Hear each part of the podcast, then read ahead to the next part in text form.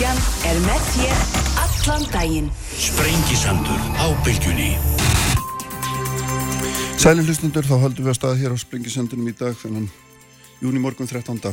júni uh, þau verða hérna þeir verða hérna á mér Guðmundur Andri Tórsson og Gunnar Smári Eilsson lók þáttar Einar Gautur Stengriðsson, Þorbjörg Sigri Gunnarsdóttir verða hér um 11 leit ræðum þá um kemfyrirsofbildi og þau mál tengi sem tengist domstólu meðal annars Gallin Júliusdóttir og Breki Karlsson verða hér á eftir þar ræðið við bankamál vexti og málshöðun neytenda samtakana á hendur fjármálafyrirtækjum En sestur er hjá mér Halla Gunnarsdóttir, fangandastöri ASI og Bjarniður Hallsdóttir sem er formaður SAF, sælur og blessaðar.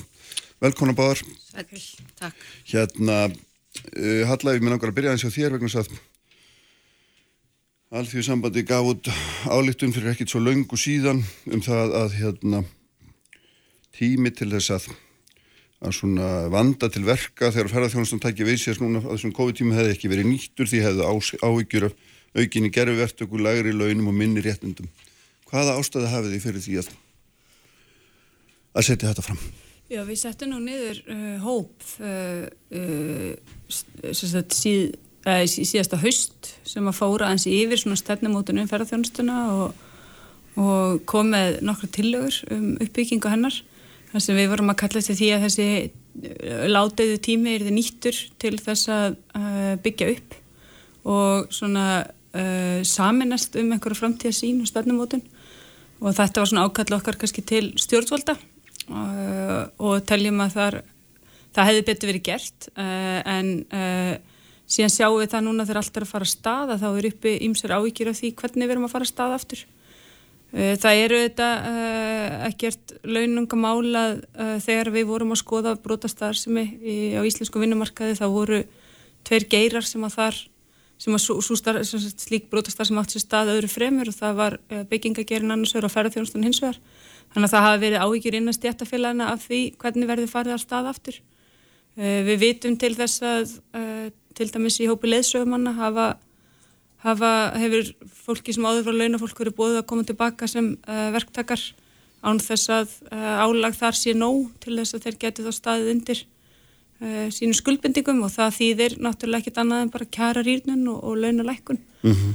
Fyrir utan það að uh, þetta mikilvæga uh, launa- og ráðningasamband er algjör líkil þáttur þegar á reynir í lífinu eins og við höfum séð núna í gegnum Þannig að þið teljið eitthvað sem hafa raukstu dæmi um að þetta sé í uppsyklingu eitthvað svipað ástand og var áður. Já, við telum okkur hafa raukstu dæmi um að, hérna, uh, að, eða þess að telum okkur hafa raukstu dæmi um slíkt uh, og, og auðvitað eru einhverjur sem vilja bara keira þá leið en, uh, en þetta eru auðvitað bara varnaðarorð, þetta mm. við erum ekki að segja að þetta sé orðið svona, við erum að segja mm -hmm. að við óttast að þetta geti orðið svona. Já, hvað, hvað hérna, hvernig var þér við þegar þú sást þessa yfirlýsingu Bjarniður? Já, ég var svolítið hissa, satt að segja, vegna þess að það er ekki eins og Já, ég er hissa á því þegar fólk er að segja að það sé eitthvað skelvilegt að ferðarþjónustan heldur bara áfram það sem frávarhorfið. Ég get ekki segja að það hafi verið einhver skelvileg staða í greininni þegar, þegar hún skall í lás fyrir rúma ári síðan. E, við vorum sérsagt búin að upplifa svona tölverðan hnökra í, í kjölfar þessa mikla vakstar sem varð og það er held ég bara eðlilegt að það hafi orðið þar til vandamál og við vorum komin náttúrulega bara vel á veg með þegar leysa þau flest. Og ég var líka hissa og sjá frá ASI að já, vara við því sem hugsanlega getur gerst varandi brotastar sem að þess að þetta hefur verið tóltið ábyrjandi söngur hjá ASI síðustu ára að það sé mikil brotastar sem og óveinilega mikil í ferðarþjónustu en uh, Þetta er rauninni aldrei neitt klift og skorið, þetta er ágrenningur sem að kemur upp varandi kjæra samninga og ráningasamninga og, og reglur um úrlausn eh, sem eru þar bara gildandi. Mm -hmm. og fórsvarsmenn AFC hafa viðkjönt það óbeberlega að það er um að ræða einhvers lítinn hluta fyrirtæki þannig að mér finnst óþarfi raunin að mála ferðarþjónustunum upp sem eh, þetta, hún sé smætt unir í það að vera bara undir lögða brotastar sem er bara alls ekki. Og það eru auki höfu við hjá saflagt ríka áherslu á það að uppræta þessa brotastarðsemi og fórum við mitt í umfangsmikla vinnu árið 2019 þar sem við mitt buðum verkefælisreifingunni með um að knýja á um að, að uppræta þetta. Mm -hmm. Þannig að þér finnst þetta að vera orðumökið og hérna, raun og vera algjör óþarfið? Já, í rauninni mér finnst mm, það, já. já. Halla, Já, já, þetta er náttúrulega ekkert eitthvað svona einhver tilfinning okkar fyrir því. Það eru þetta bara uh, dæmin innan úr stjættafélagin sem sína mm. það. Uh, kröfur vegna leinatöfnaðar í ferðarþjónustunir hlaupa á hundruðum, en það er eins og að rétt að þetta er, þetta er ekki fjöldin, þetta er henni fáu, en þeir eins og alltaf setja svolítið svartan blett á, uh, á ferðarþjónustuna og við hefum auðvitað vilja að fá svona skýrari uh, skýrari áallinir frá atunur reikandum um hvernig þeir vilja uppræta þetta. Þar höfum nú aðlega verið í stríðið samtök atunulífsins uh, um úrræði þarum og hérna uh, og ég held að það sé alveg mörguleiti samheilir hagsmunir. Ég hef syns að tekið eftir því að, að SAFA var nú aðlega verið að einblýna á þessi erlendu fyrirtæki sem koma til landsins og við erum alveg sammála því að það þarf að taka þeim. Er að þegar erlend fyrirtæki koma til landsins og eru kannski með starfsfólk erlendis frá sem að fyrir þá ekki eftir íslensku kjærasamningum uh, en, uh, en svona brotastar sem er innan ferðarþjónustuna leynist samt víðar. Og þetta er ekki þetta því að það sé ferðarþjónustuna almennt sé eitthvað íll og slæm þvert á móti en hins vegar var þetta grein sem ógs mjög rætt og þetta er að sama og gerist átt með byggingagerin, hann vex mjög rætt á skömmum tíma og þá fylgir svona uh, brotastar sem oft og við þurfum bara að vera sterkar í upprætana og mhm, stöðvana mm -hmm. og hér eru við í rauninni að segja bara stöðvana árun fyrir að stað og ég held að það sé bara gott. En nú er náttúrulega eins og alltaf verður þegar ASI svona samin að stígu fram er náttúrulega mikið afl í því fólkið og hérna við sagum það nú grunlega hérna í deilunum við play að það var náttúrulega ekkert smá afl sem að þar steg fram þegar að það fyrirtæki hérna fekk ykkur á bakið, getur við sagt og hérna þannig að svona, myna, þetta verður náttúrulega að vera eitthvað með svona 100% þegar mann ákveða að fara með svona áðráttarlausum hætti fram eins og hér er gert, ekki sett Já, en ertu þá að saltaði fram að það sé ekki 100%? Ég er bara að veltaði fyrir mig hvernig því að þú ert ekki, þú ert ekki með einhver sérstök dæmi, þú ert bara með eitthvað eitt liðsugamannsdæmi og, hérna, og það er líka ekki bara verið að tala um brotastar sem er því líka að tala um það að séu greitt og lág laun og svo framveg sem að hafið einhver dæmi um nákvæmlega þetta. Ég veit að það er fjölmörg dæmið það. Vinnumarska skýsla ASI, hvort það var í fyrra að hitti fyrra, fjallaði mitt um brotastarðsemi og mm. þar eru bara tölfræðileg gögn þar sem farið er ítalega yfir það hvernig brotastarðsemin eh, er á Íslandi. Fór margra mánu að vinna inn í hana Uh, síðan erum við þetta í nánu sambandi við öll okkar stjættafélögum um all land sem að segja okkur hvað kemur hann á þeirra borð. Þannig að það er ekki rétt að þetta sé bara eitthvað eitt og eitt dæmi. Þetta mm -hmm. er bara svona ákveðin, uh, ákveðin hluti þarna sem hefur litast af þessu.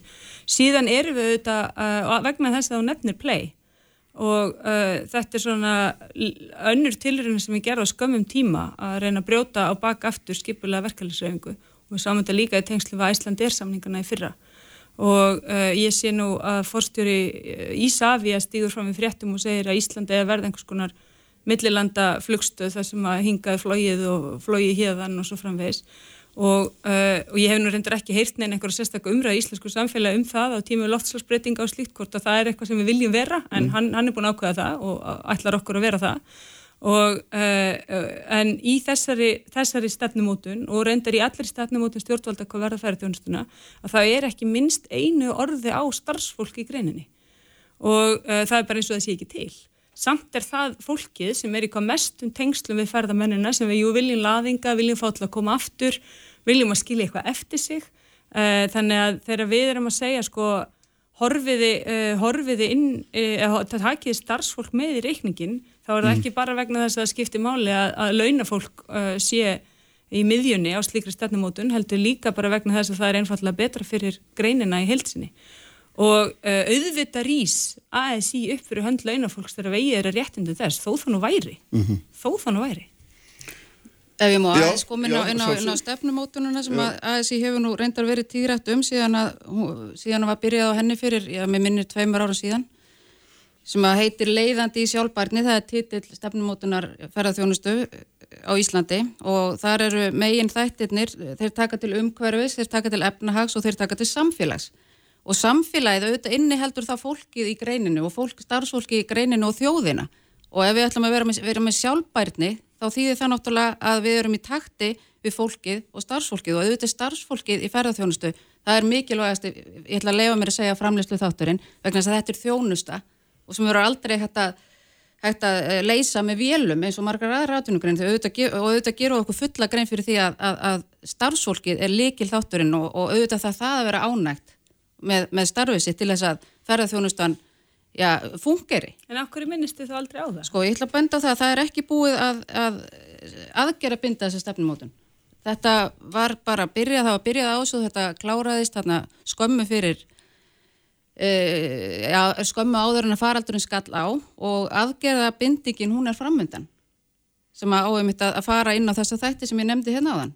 Þannig að auðvitað verður þar talað Þannig um að fólk. eftir að fjalla um sagt. Já, starfsmi, já, það er eftir hvernig, hvernig það er orðað. Ég Já. þeir eru partur af samfélaginu Mm sem að, sem að En ferðarþjónustan ekki, allar að en vera í takti orða við. með beinum hætti hvernig Já, þeirra kjör eiga að vera segi, á, það er ekki búið að, að, að aðgera binda stefnumóti. en stendur til að Já, ég vona það. Þetta er Já. náttúrulega á, á, fors, í fó- fórsvari e, ríkisins, þessi Mm. stefnumótun, í sam, samvinnu við atvinnugreinina. Þannig að ég vona að ný ríkistjórn taki þetta upp og, og klári þetta. En bara svo ég Mm. árétti það sko að, að samtök launafólks komu hverki aðeins verið stefnumótun og það er kannski þetta atrið sem við erum að benda á. Ef það byggja upp einhverja grein hérna í sátt og, og, og með sjálfbærum hætti þá þurf, þá þarf þetta uh, þurfa fulltrúar þeirra sem innan hennar starfa að vera þáttakandur í slíkri umræði. og ykkur finnst þess að tíminn ekki hafa verið nýttu núna? Þessir, hvað, ég var að segja, hvað er þetta verða? Átjál mánuður til þess að hérna Nei. að skoða þetta. Nei, okkur finnst það ekki. Og, og, og það eru þetta kannski svona svolítið klassist íslenskt sko, bara svona býða þangar til allt verið í ganga aftur. Mm. En við hef- hefðum viljað það og við hefðum viljað að, að, að við hefðum náð einhverju svona sameinlega grundvelli fyrir, uh, fyrir því hvernig ætti að fara stað aftur. Og að, og að ferðarþjónustan sko að hluta þessari sjálfbærni væri þá að byggja upp góð störf og eftirsótt störf þar sem fólki líður vel og vill vera. En finnst þér alla semst, get ég lesið það át úr því að, að þér finnist það ekki vera gert núna? Stefna Eh, sé ekki svo að hérna, leggja áherslu á þetta? sko það bara er engin stefna um þetta. Það er bara engin stefna þetta störfin, er, störfin eru ekki inn í stefnunni. Mm. -hmm. Það er talað um sjálfbarni og það er talað um hérna, uh, að hver og eitt ferðamaður er að skilja meira eftir sig uh, en við sem að vinnum fyrir uh, launafólk og tölum fyrir þeirra hagsmunum höfum ekki komið að þessari vinnu. Já, ef ég má aðeins koma inn í þetta sko að tíminn hafi ekki verið nýttur sem sagt, að meðan á, á faraldurinn stóð þá uh, vil ég nú bara benda á það til dæmis að hæfnisettur ferðarþjónustunar hefur verið starfandi, við erum með mjög öflugt starf núna á meðan á þessu stóð með allskins námskeið og er nú búin að búið að búa til nýja námslínu emitt fyrir ferðarþjónustu og, og, og eins og ég segi með brotastarfsemina þetta hefur líka verið í gangi þannig að ég hafna því algjörlega að það hefur ekkert gerst á meðan á þessu stóð. Og svo það er að auki þá hafa fyrirtækin verið lömuð, starfsfólki hefur verið heima þannig að það hefur kannski ekki gefist mikil tími hjá beint hjá fyrirtækjanum til þess að fara að marka sér einhverja nýja stefnu eða taka einhverjar afdreifur ykkar ákvarðan það hefur bara ekki verið svigrum til þess hjá, allavega ekki hjá litlum og meðastólu fyrirtækjum. Þessi stóru hafa hugsanlega eitthvað geta unnið í sínum málum en ekki hinn. Þannig að þar sem það hefur verið hægt þar hefur tíminn verið nýttur. Og ég bara hafnaði algjörlega að, að það hafa bara allir setið sofandi og, og ekkert verið að og gera. allir sér bara í sama farvegin aftur sem sagt, það, það stendur ekki til eitthvað hálfið eitthvað Ég sama farvegin, við, við erum bara á ákveðinu braut sem að við vorum átt áður fyrir áður en faraldurinn skall á og við höldum bara áfram þar. En ég, þetta hugtakum að búa til góð störf og hérna vantla vel launustörf, það er, er þetta mjög farveitilegt vegna þess að við erum í samkeppni við aðra þjóður um ferðamenn og þar er ferðarþjónustu oft hérna rekin af hérna á mjög lágum launum og þetta er mjög hátt hlutfall kostnæðar í rekstri er auðvitað laun. Já, já. Þannig að það er líka eitthvað sem mann þurfa að velta fyrir sér þetta alþjóðlega samingi, hvernig mann ætla að keppa á markaði þar sem að aðrir reka lálunastefnum. Já, þetta er bara vandamál hjá öllum útflýningsgreinum á, á. Íslandi og, og viðvarandi-? Viðvarandi vandamál. Já, það, það er mjög góð spurning og erfið hvernig á að bregðast við þessu. Það er það, það er bara verkefn okkar alla daga að bregðast við þessu að halda samkeppnishefni Ísland sem áfangastæðar að, hún sé fyrir hendi og, og þetta er eilifa verkefn og stór partur af því er til dæmis gengi íslensku krónunar eins og ég hef margótt bent á að ef hún verður á sterk og með háum, háum launum, háu launa hlutfalli og alþjóðlega háum launum, sem í al- alþjóðlegum samanbyrju, þau eru það, það er alveg óumdeilt. Þannig að þetta er mjög erfitt verkefni. Þú horfir á þetta hinum meginn frá og ég meina fólk þarf að hafa vinnu. Fólk þarf að hafa vinnu Fólk og fólk þarf að að hafa ísu á. já, nákvæmlega. Já, og hérna, ef það er að vinna í geirum sem er í samkeppni við samangeir í öðrum löndum og þar er ekki stefna sem er byggða á miklu læri launum, hvað gerum við þá? Já, sko við vitum alveg að það er rétt að flest þau lönd, þar sem ferðarþjónust hefur orðið undirstuð atvinnugrein eru lönd þar sem laun eru umtalsvægt læra á Ísl- en á Íslandi. Uh, og það þýðir ekki að við um að taka Ísland og færa það þangað og, og verða lálunaland, uh, alls ekki. Því að það myndi líka, uh, það myndi líka gera ansi mikið fyrir lífskeiði alls almengs í Íslandi. Þetta er ekki bara þannig að myndum búa til eina undirskipaði stjætt sem myndi vinna einhver störf og svo myndi við all hinn halda áfram að, hérna, uh, að lifa okkar lífi uh, óháð því. Þannig að við erum ekkert að fara uh, sérst, okkar ferðarþjónusta er ekkert að fara í samkjætni við ferðarþjónustu í Tælandi á einhvern slíkum grunni. Veist, það er annað sem við erum að fá uh, fólk hingað til þess að njóta. Mhm. og þá minn ég nú reyndar á uh, þá náttúru sem að við búum hérna yfir sem að uh, er svona alla jafna ókipis aðgengjað uh, og er einn af okkar helstu, uh, helstu svona, okkar helsta aðdráttarafl. Þannig að við erum ekki tilbúin í einhverju umræðu um að það er að fara að keppa um þetta. Og við, og hann má segja það við flugfélögin ef að þau vilja fara að keppa í launum við einhver hérna uh, flugfélög sem að uh, kaup og kjör eru með einhverjum allt öðrum hætti en týðkast hér, þá eiga þau ekki að gera út hérna. Það er bara svo einfalt. Það er bara punktur Já.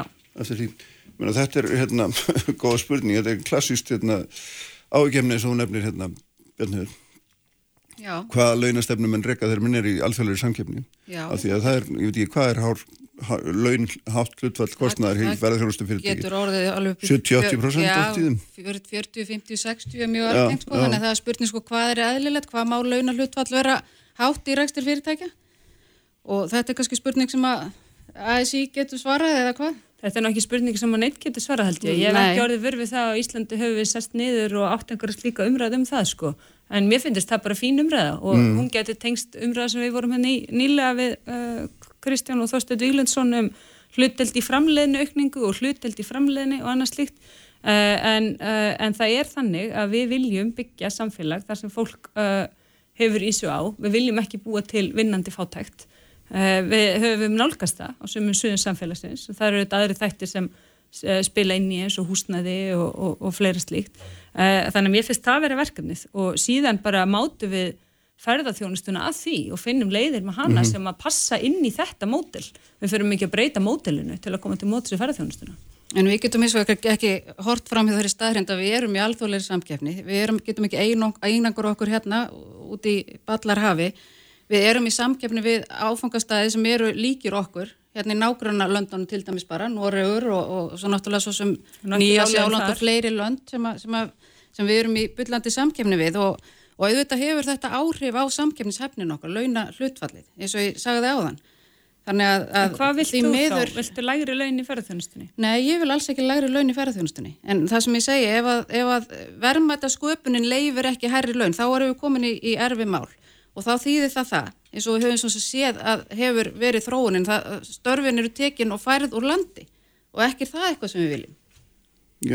Og það er ekkert að gerast bara í ferðarþjónustu, það gerist líka í, í fleiri atvinnugreinum eins og sjáarúti. Að störfin færast úr landi vegna þess að launa hluthall er orðið það mikið að, að, að, að þessi sölu verði stendur ekki undir í. Já, en þá er náttúrulega er þessi klassik, þá er bara, þessi spurning er, er hérna, viljum við reka starfsemi og greiða þá lægri laun heldur en við erum að gera. Er, er það markmið? Ég meina, Það, er, það hlýtur að vera þá næsta spurning. Já, Hvað er- ætlum við að staðsetja okkur í hérna, í þessari samkeppni? Já, já, svo veist, ef við ætlum að, að vera með ferðarþjónustu, þá þurfum við líka að vera samkefnishæf. já, já Það er ekki þannig að ferðarmenn komi hérna bara og borgi hvað, hvaða verð sem settur upp. Nei, en hér eru Ekki við frekar líka en fyrir fiskin sem við erum að Hér segja. eru við líka að tala um tvær greinar sem að byggja algjörlega á auðlindum sem ætti að vera samegn okkar Íslendinga. Og það að nota það sem dæmi að störf séu tekin í fiskvinnslu og færð út úr landi, þar, þar eru við einmitt bara að klikka sem samfélag. Vegna þess að þar er, þetta er auðlindin okkar og við eigum að eiga hana saman og við eigum að nota hana til þess að byggja upp uh, undirstöðu atvinnugreinar í Íslandi. Ekki til þess að henni fái getur grætt meira uh, og, og, og, og, nýtt auðlindunar okkar ókipis. En þegar við erum í þeirri stöðu halla eins og núna er að vera með 20.000 eða einhver næstuð í 20.000 manns er það ekki ennþá sem Jú. eru atvinnuleysir og við ætlum okkur í raun og verið ætlum okkur, um er það svona svo leið sem er augljósust er að flest þetta fólk fái aftur vinnu í ferðarþjónustum það er svona, það er hinn breyði vegur, getur við sagt. Og, og þú þurft að sitja og hugsa um þetta sem fulltrúilegna manna, hvort eigum við að hérna, fara þá leið að flesta fólk fái vinnu eða eigum við að halda laununum í háum þar sem þannig að samkynni staðan verið erfiðari.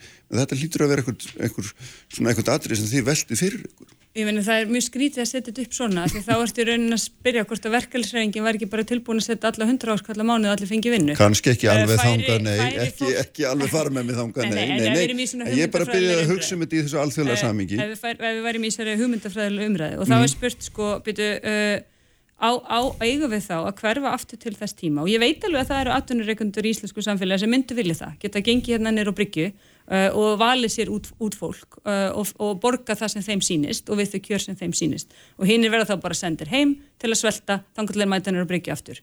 Þetta er bara samfélagsskipulega sem við yfirgáum hérna fyrir næstu því öll síðan. Ég, nú, við erum uh, alls ekki að byggja að fara þangað. Eh, nei, þetta, þetta- er ekki svona drastist þetta er ekki svona drastist en þetta er samt einhver Jú, þetta staða. er nefnilega svona drastist vegna þess að það er, þetta er auðvitað lítill hópur það, við heyrum þetta þessum umræðum um atvinnleysistryggingakerfið það sem er lítill hópur sem vil lækka bætur helst hafa er þannig að fólk eigi ekki til nýfs og skeiðar og þær eru mjög lágar, ég minna það uh, til, þess að, til þess að í uh, og það er ekki veruleiki sem við viljum. Uh, það er veruleiki sem við munum mótmæla uh, uh, mjög harðlega og aldrei þreytast í þeim mótmælum.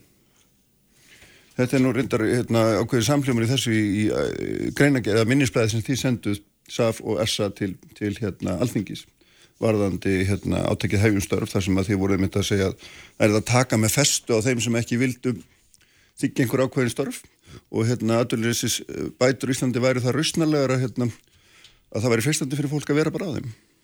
Já, eins og ég eh, stundum sagt, mér finnst þetta mjög erfið umræða. Þetta, er, þetta er flókin og, og, og, og hérna, markþætt umræða og það eru alltaf margir sem halda því fram og það eru ímislegt sem bendir til þess að því nær sem bætur eru lámarslaunum því minni sér kvatin til að fara út á vinnumarkaðin. Þetta er bara eitthvað sem er eh, alþjóðlegt mál og, og ágreiningur og, og hálgert svona hagfræðilegt í lemma sem verður alltaf umdelt. En hins vegar erðist, verðist þetta bara að vera hluti á vandamálinu núna. Það er svona ýmislegt að koma í ljós og hefur verið að koma í ljós síðustu daga að það verðist vera erfitt að manna bara alls konar störf og út um allt land og í öllum atvinnugurinnum. Þannig að við erum farin að velta því fyrir okkur hvort við séum að kljásta þarna við eitthvað marg þættari vanda og eitthvað skonar samfélagslegt vandamál, eitthvað nýtt sem við hefum ekki séð áður og hvort þetta séu kannski bara einhverjar samfélagslegar viðhófsbreytingar eða eitthvað sem að má reykja til COVID og mér finnst að þetta sé eitthvað sem við þurfum bara að fara saman í að rannsaka og, og átt okkur á hvað, Mm. hvað er hérna ferðinu og þá meina ég bæði verkefælisreifingin og atvinnureikandur og, og vinnumálstofnin. Mm. Þetta virðist vera eitthvað glænýtt og það ber bara öllum atvinnureikandum eða öllum, flestum atvinnureikandum saman um þetta. Ég var á ferðin nefnitt út á landi í síðustu viku og hitti þar á fundi 40 ferðarþjónustu fyrirtæki á Akureyri eða á Norðurlandi. Og þau voru öll saman um þetta að það Að það væri bara erfitt, bara mjög erfitt að fá fólk til vinnu. Og þá alveg óhá því hvort að um hvers konar störf var að ræða. Mm. og þetta finnst mér bara mjög skrítið og ég skil þetta ekki og þetta finnst mér að við þurfum að skoða Já, ég vil nú vekja aðtöklu því að atvinnuleysi fór úr 10,4% niður í 9,1% milli mánuða. Þannig að eitthvað er nú að gerast í því Já, að já. fólk sé að fara af atvinnuleysi skrá í störf. eh, Eitthvað er og að gerast en kannski heilmikið. ekki að prata menn heldum. Uh, já, ég- sko það sem við vitum ekki, Mm. uh, við vitum ekki uh, og þetta höfum við bara eftir svona umælum og tilfinningu atvinnureikandi og annar sem tala fyrir þeirra hönd að þeir séu að ringja í einhverju einhver lista sem fá frá vinnumálstofnun og, og, og ég minni á þeir eru að ringja fólk sem eiga að koma til þeirra sem ógifis vinnuafl í bóði samfélagsins, í bóði ríkisins. Uh, þannig að það er nú ekki eins og þessi fyrir að auglýsa hérna eftir fólki í löngum röðum og það kom ekki umsóknir. Uh, þannig að við erum að tala um þennan hluta fólks. Við vitum hjá stjættafélagunum að það er, það er fólk og við, við tekjum það til dæmis á Suðunessjum að það er fólk sem að er í raun og veru bara að býða eftir að fá sitt gamla starf tilbaka. Og ég held að ef maður uh, beitir manneskilir í nálgun á þetta þá skilum maður alveg það að vilja kannski ganga aftur í sitt uh, gamla starf frekar en að flytja kannski millir sveitafélaga með, með fjölskylduna og taka, taka stáfið eitthvað, eitthvað annað starf. Þannig að mér finnst með þessi dæmi sem við erum að nefna um fólk sem eru hafna störfum vanta meiri upplýsingar. Uh, hitt vitum við að það er í kringum 350 mann sem hafa verið sviftir bótarétti en þess að þeir hafi hafna störfum. Þetta er innan við 2% uh, af þeim sem eru á atvinnuleysi skrá. Þetta er mjög lágt hlutfall. Ætla að láta umræðina um atvinnuleitendur hverfast um þennan litla hóp er bara uh, ofbóðslega harkalegt gagvart þeim stóra hópi sem hefur mist vinnuna sína sem að hefur uh, að meðaltali uh, upplifa tekjufall upp á 37%. Uh, síðan er þetta samhengi og, og Bjarnir segir er deilt um það hvort að hvort að háar atvinnuleysisbætur leti fólk til atvinnuþáttöku.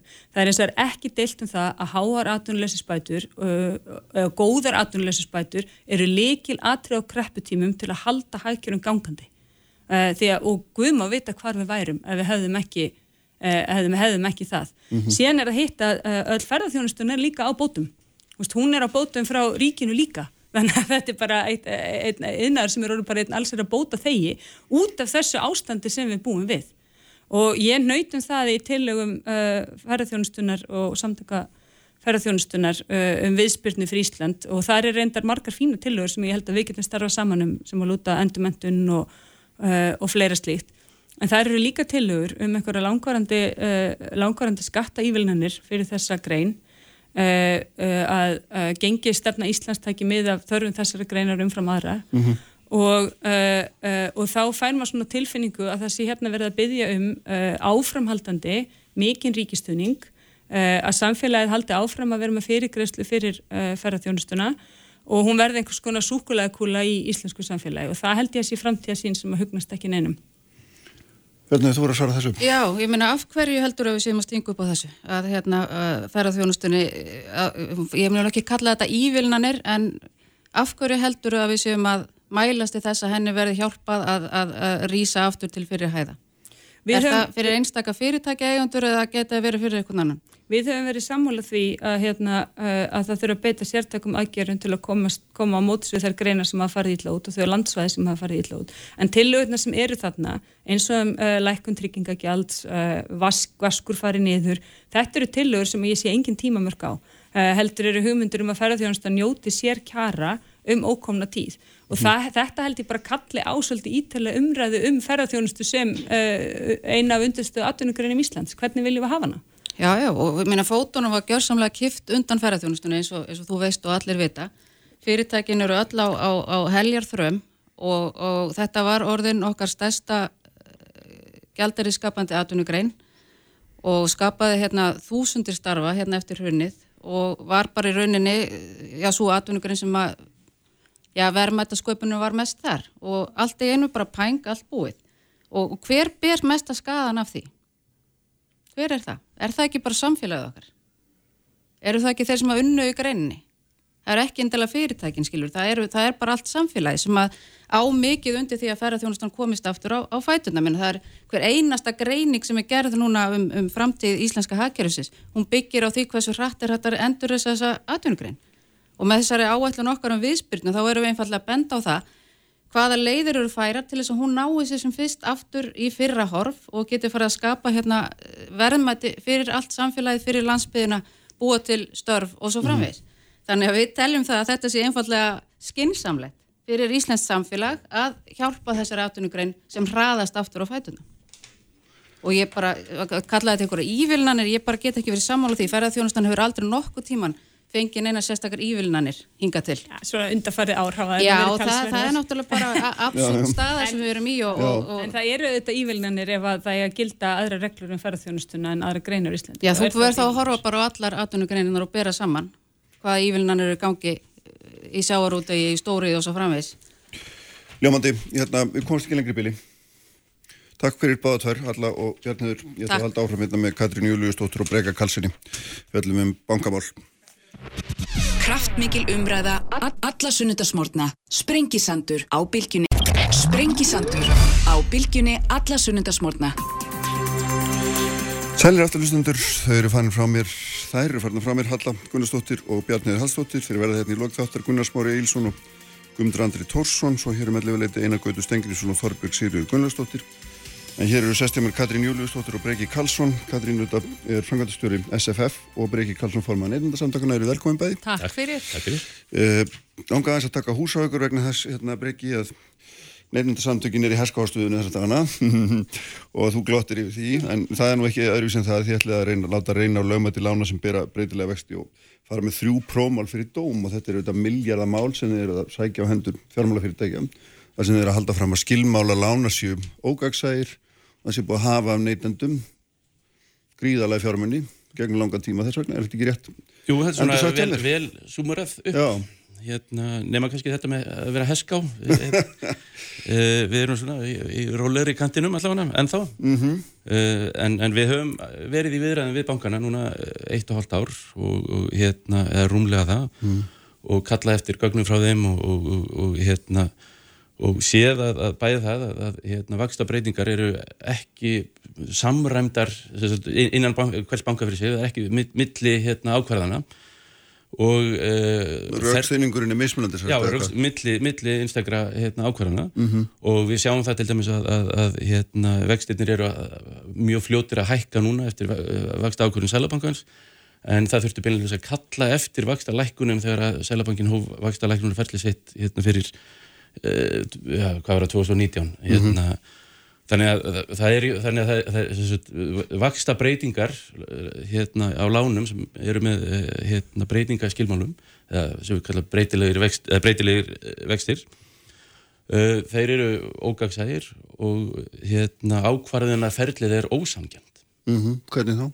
Að, að það, að það skul ekki vera hérna, gagsætt og, og hérna, samræmi um, með það hvernig mm. vaksta breytingar eða vaksta ákvarðin er tekinn því að, mm. að breytingarleysið er líka þar að halda vöxtum óbreytum er, er ákvarðin líka. Já, akkurat. Hvernig horfur þetta við ykkur fjármálafyrirtækja fólki? Sko, kannski bara fyrst að segja við hjá samtöku fjármálafyrirtæki erum ekki aðilar sem máls, uh, við erum heldur ekki inn í einstaka vaksta ákvörðunum eða verðlagsbreytingum. En þeir eru samtök á vegum fjármálafyrirtæki. Svona, já, þannig að við horfum svona vítt yfir og já. mörgum finnst maður þess vegna oft hundleðilur en, en svona er það bara og hérna það er það sem við getum gert mm. og, og svona Það er þannig að á undanförnum árum að þá hefur auðvitað, það hafa verið lagabreitingar, það eru hérna komið lög um neytendalán frá 2013 og síðan í kjálfara því komið lög um, um, um hérna fastegnalán til neytenda og þar eru gerðar bísna ríka kröfur um upplýsingagjöf og um það snýst þetta mál. Það er að, að það er held ég óumdilt að upplýsingagjöfun hefur aukist en spurningin er þá að mati neytendasamtökuna hvort það sé næjanlegt. Mm -hmm og þar hefur maður heyrt það að, að, og bankanir hafa hérna, greint frá því að, að þeir telji að svo sé að þeir séu uppfylla það. Og ég held að sé einhver vafa undir orpið að upplýsingagjöf hefur aukist verulega bara því allir þeir sem hafa verið að fara í gegnum endufjármögnun eða fjármögnun á húsneið á liðnum árum hafa fundið það að þú þarfst að kvitta upp á núna að hafa lesið skilmála og hafa lesið upplýsingar uh, um hérna, þín, þína stöðu og, og, og lánsins og hvað þetta allt sem að feilur í sér uh, og þær hafa orðið ítalegri. Uh, þannig að ég, svona, manni sínist að þarna snúist þetta um þetta og, og þá er, svo sem ef að menn hafa ekki náð saman, þá er kannski ekkit mm. annað að gera en að láta bara úrskurðu um það og það er ekkit óeilegt mm -hmm. Að menn geri það og, og fái þá bara úrskurðum um þetta og við sjáum þetta mjög víða að það sé gert með þeim hætti og oft er þetta Þau veitir það að lögfræðingar sko þeir sjá ekki endilega, hérna tólka ekki alltaf öll, alla lögjöf eins og um, mm. þetta, um þetta snýstundum samtalum lögjöf og í þessu tilfelli veriðist að vera það. En það sem að mér finnst líka samt mjög mikilvægt og áhugavert í allri þessari umræðu og það er að, og bara sjá bara hvernig þessi húsnæðast lána markaður hefur þróast á undarförnum árum.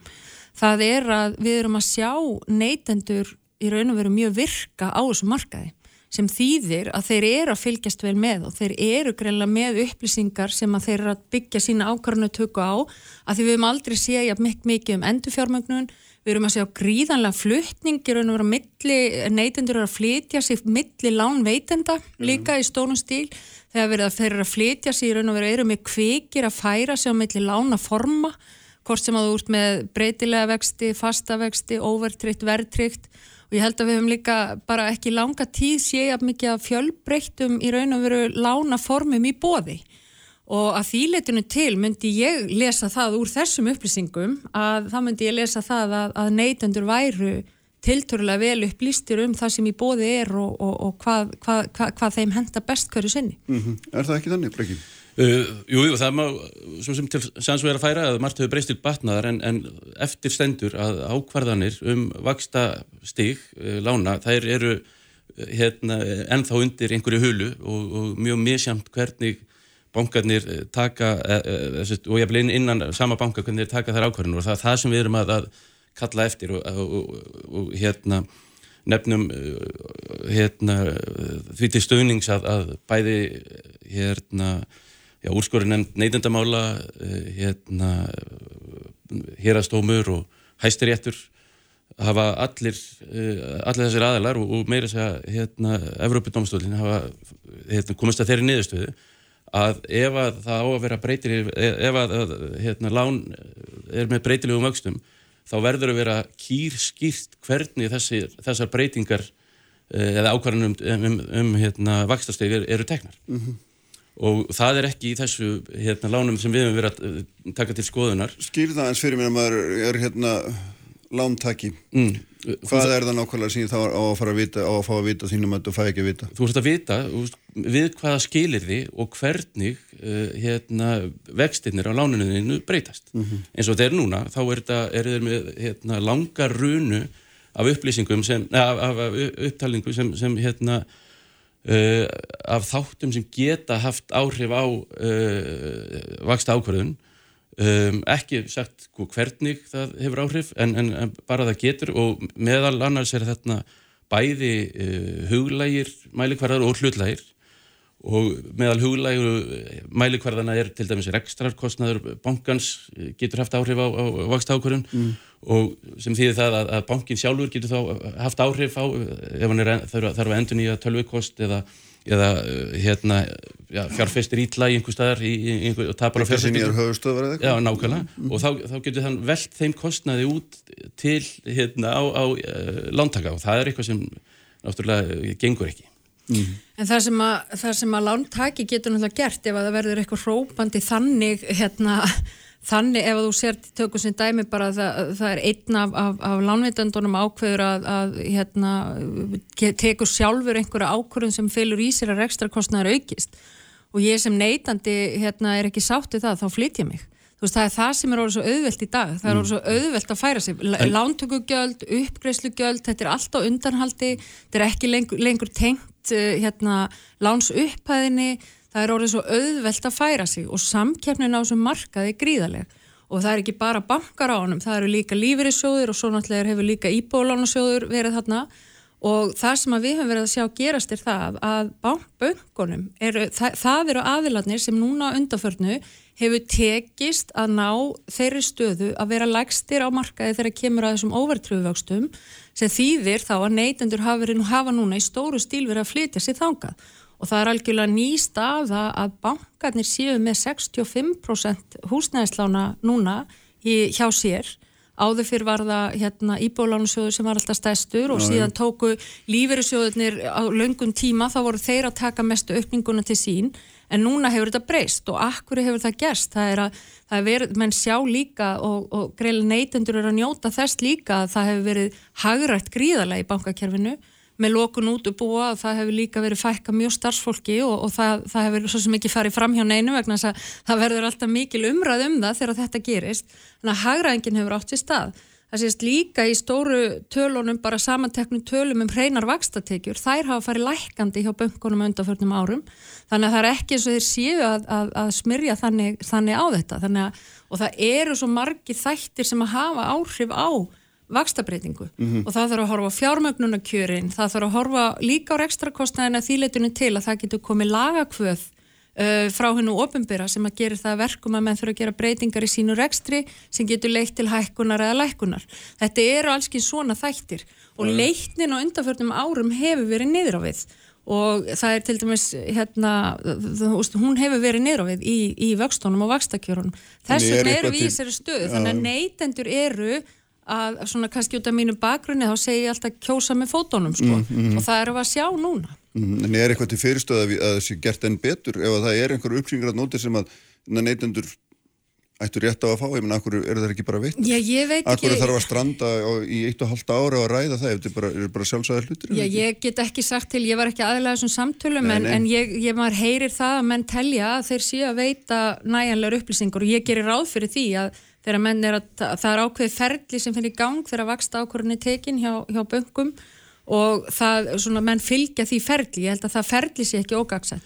Hins vegar... Við hefum reyndað að kalla eftir hin, þeim upplýsingum frá hérna böngunum og, og hérna við hefum fengið þar upplýsingar, það er hérna, ferlið er ekki skýrt og er ekki, það er ekki hérna sama ferlið sem þú notar á morgun sem þú notar í dag. Og þannig kannski líkur, það líkur kannski hérna hundun grafin í þessu að, að hérna þó að, að vexti séu lágir í dag og hafi farið lækandi þá er, geta neytendur ekkert séð hvernig vextinni muni þróast hérna í framtíðinni eða, eða hvaða er sem, sem bankarnir ætla að gera til þess að, að hérna, raukstíða hækkanir uh, framtíðirinnar. En ef að þú vilt sko leggja vexti, nú bara segja mm -hmm. sko mhm. það er ekkit víst að, að í hverju einasta tilviki séu nákvæmlega sömu þættirnir að hafa áhrif það getur verið hérna, breyting á, á skuldabrjöfamörkuðum, það getur verið líka, svo hafa náttúrulega líka innláns hérna, vextinnir hérna áhrif og núna erum við svolítið nýri stöðu í þessu lágvakstöðum hverfi þar sem að menn hafa ekki lagt í það hér mm. að fara í neikvæða innlánsvexti þannig að, að þar að leiðandi hefur þessi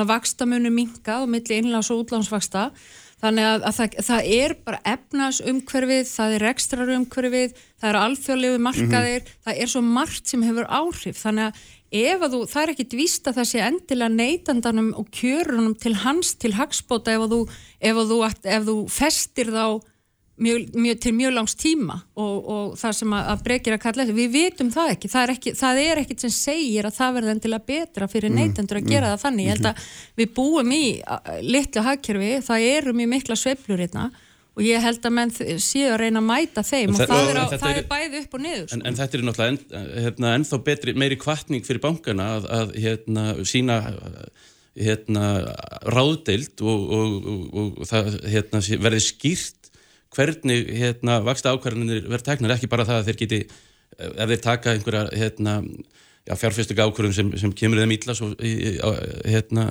já, einhverja verksmiður hér eða hvar og hérna að þeir geti bara varpað þeim kostnaði yfir hérna, þá, ef það skiptir einhver máli þeir geti, ef þeir geta varpað þeim kostnaði yfir á, á hérna, lántaka þá, þá gera það náttúrulega og, og, og hérna, þó að vexti séu lágir núna sögulega þá verðum við náttúrulega líka að, að horfa aðeins aftur í tíman, þannig að 2019 þegar að Sælabankin byrjaði vaksta lækurinn af ferli sitt, þá þurfti bankin sérlega meira að, að, að sérstaklega kalla eftir því að bankanir fylgdu nú í, í, í kjölfarið og læk, læk, hefðu þetta læk, eh, lækunar ferli eins og, eins og hérna eins og uh, þeir höfðu farið út í. Já, það náttúrulega er út af því, Bryggjum, ég held að all, það, það, það, það vita það allir að, að það er miklu fleiri þættir stýrivesti sælabankars beint sem hafa áhrif. Mm. Það eru mhm. fjármagnunarkjörin ekki síst sem hafa, hafa þarna áhrif. Ja. Það verðist alltaf að það hafa meiri áhrif sko til hækkunar en ekki til lækkunar. Og þau hreyfa sig ekki, ekki, kannski ekki alveg eins hratt, þannig að það getur kannski ekki, en það gerist innan skamstíma til hækkunar og lækkunar byttu nú aðeins. Nú voru stýrivesti sælabankars að hækka og í kjölfarið að þá hækkuðu bankarnir vextina og maður bara horfið yfir þær tilkynningar að þá sér maður að þær eru ekki að hækka vextin eru ekki að hækka jafn mikið og stýri vexti sælabankar þannig að það þarf að sína svolítið sangitni það þarf að sína sko. sangitni í þessu báða bóa vandi, Vandinu svolítið þetta Katrína þegar þú, þegar þú segir hérna, menn telja þessi á réttum stað menn töldu líka fyrir 13 árum 2007-2008 að þeir væru á réttum stað með hérna, og hérna, ég satt nú sjálfur marga fundið um þetta á sínum tíma, það sem er bara fullt þetta er bara allt í lagi, Já, það bara en... þarf enga hrópla hér. Og svo reyndist hann að vera eins öðruvísi sko. Og, þarna, og það er þetta þess vegna svona ákveði vantröskir í ráðferði því að þegar mann segja bara sjálfur um sjálfa sig, dæmið einn sög, þetta er bara allt í góði lagi Já, núna er lögin, lögin eru náttúrulega orðið mjög skil. Já, já, ég átti með því að það er orðin breyting en ég er að segja að það er það að gera þetta, vera dómar í einn sög sem við talum. Já, og það er, og það er á báða bóa, þú veist, Breki segir þetta svo ólögleg lán og, mm, og bankarnir segja að þetta, þeir séu uppfylla lagaskildur um það snýst, hérna, snýst þetta mál og, og ég gerir bara ráð fyrir því að menn leys úr því á viðegandi stöðum, sko. Mm og hérna ég ætla ekki að hafa neina skoðun á því ég er ekki dómari og ég er ekki, ekki lagatæknir í þessu Þannig að mann leysa bara því, ég er bara að lýsa því sem maður sér sko mm, mm. Og, það er, og það er þannig og mér finnst til dæmis mjög, hérna hefur þótt það mjög jákvæð þróun að það er miklu svona, hvað var að segja, það er miklu, hérna það er svona skýrar og meiri umfjöllun um áhrif, uh, hérna áhrif uh, efnaðarslífsins á, og það sem er að gerast í efnaðarslífinu á landtökur heimilana, uh, umfjöllunum það af hálfu bankana og fjármálafyrirtækina og líka lífri sjóðuna menn er að halda um þetta fræðslufundi, hlaðvörp, það er verið að halda, hérna, að verið að skrifa greinar og það er verið að, að benda á hvaða áhrif, það getur haft mm. til dæmis að taka verðri lán, menn eru upplýsingarnar eru töluvert miklar og það er, það, það er spurning þá bara hvenar verður einhver tíman eitthvað nóg sko, mm. það er mhm. það sem að mér sýnist að líka þetta snúst. Já, já, við höfum, höfum skýra dóma bæði frá hæstarétti hér heima 2017 og, og síðan hérna Európa domstólinn núna 2020 og við teljum að, að neytendur eigi hérna, kröfur á bankana upp á ja, 20 miljardar jafnvel og, og hérna, bara hvetjum alla til þess að skoða málið á vakstamálið.is og, og skrá sig þar til leiks.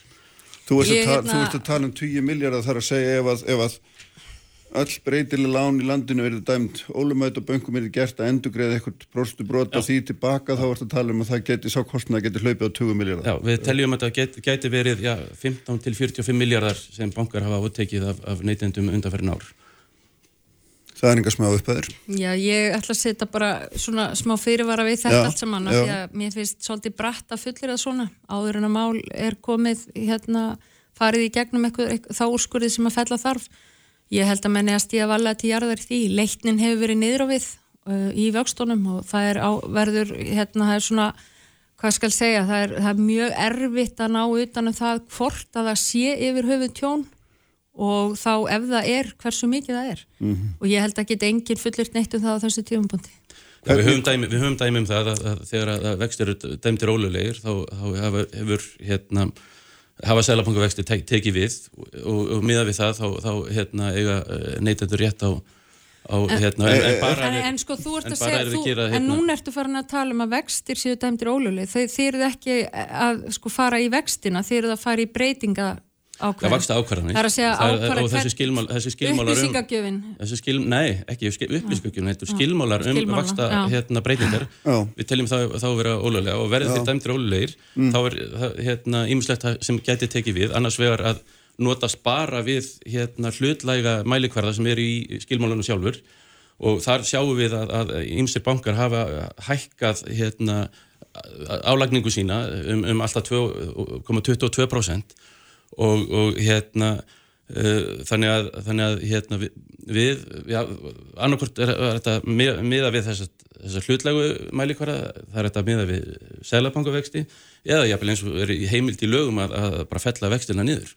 En það er mjög áhugavert núna í, í skona, þessari stöðu sem við erum í og við vorum nú með fundudaginn með, hérna, með Lífurisónum og KPMG um þetta lágastu umhverju og áskoranarnar sem að felast í því og við erum til dæmis að sjá það núna að, að veist, það er áskorun að, standa, að, vera allt inn komin á þann stað að vera með svona lága vexti vegna þess að fjármögnunarkjörin og væntingar og mörguðun geta haft önnur áhrif og tókað í aðra átt.